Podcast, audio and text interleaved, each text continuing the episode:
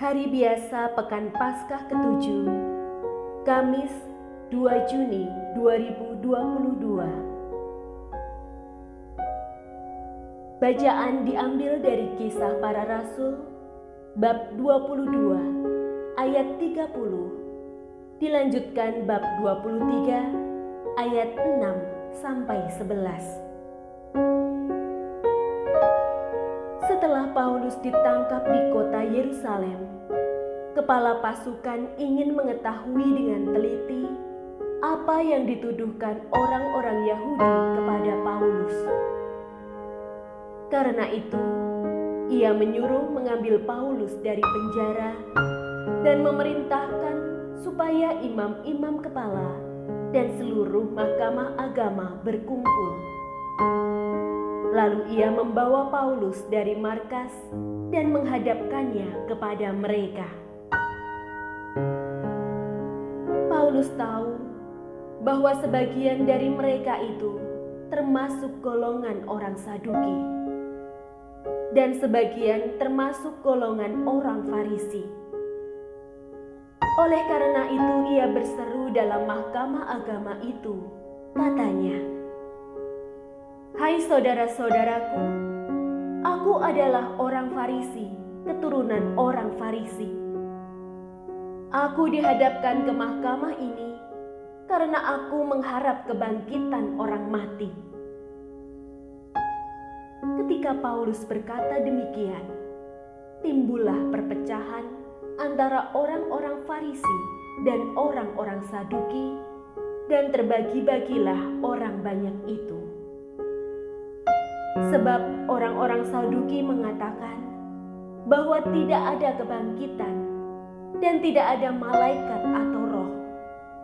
Tetapi orang-orang Farisi mengakui kedua-duanya. Maka terjadilah keributan besar. Beberapa ahli Taurat dari golongan Farisi tampil ke depan dan membantah dengan keras, katanya, kami sama sekali tidak menemukan sesuatu yang salah pada orang ini. Barangkali ada roh atau malaikat yang telah berbicara kepadanya.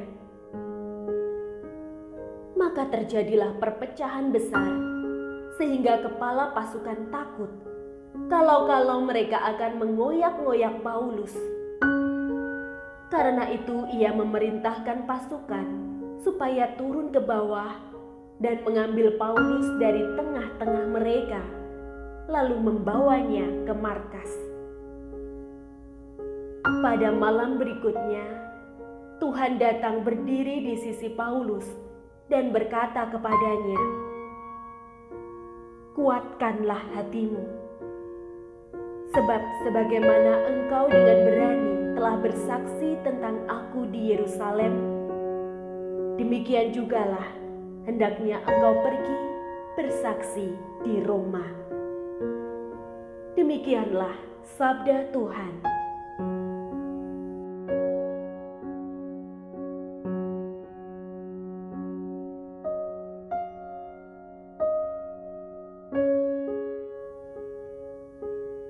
Bacaan Injil diambil dari Injil Yohanes bab 17 ayat 20 sampai 26. Dalam perjamuan malam terakhir, Yesus menengadah ke langit dan berdoa bagi para pengikutnya. Bapa yang kudus, bukan untuk mereka ini saja aku berdoa, tetapi juga untuk orang-orang yang percaya kepadaku oleh pemberitaan mereka supaya mereka semua menjadi satu, sama seperti Engkau ya Bapa, di dalam aku dan aku di dalam Engkau. Agar mereka juga di dalam kita, supaya dunia percaya bahwa Engkaulah yang telah mengutus aku. Aku telah memberikan kepada mereka kemuliaan yang Engkau berikan kepadaku, supaya mereka menjadi satu sama seperti kita adalah satu.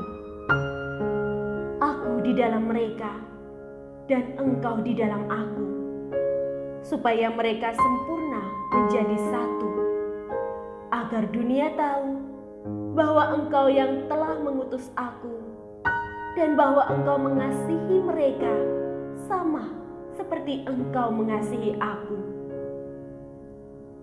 Ya Bapa, aku mau supaya di mana pun aku berada, mereka juga berada bersama-sama dengan aku, yakni mereka yang telah Engkau berikan kepadaku, agar mereka memandang kemuliaanku yang telah Engkau berikan kepadaku, sebab Engkau telah mengasihi aku sebelum dunia dijadikan. Ya Bapa yang adil, memang dunia tidak mengenal Engkau, tetapi aku mengenal Engkau. Dan mereka ini tahu bahwa Engkaulah yang telah mengutus aku. Dan aku telah memberitahukan namamu kepada mereka, dan aku akan memberitahukannya, supaya kasih yang Engkau berikan kepadaku ada di dalam mereka, dan aku di dalam mereka.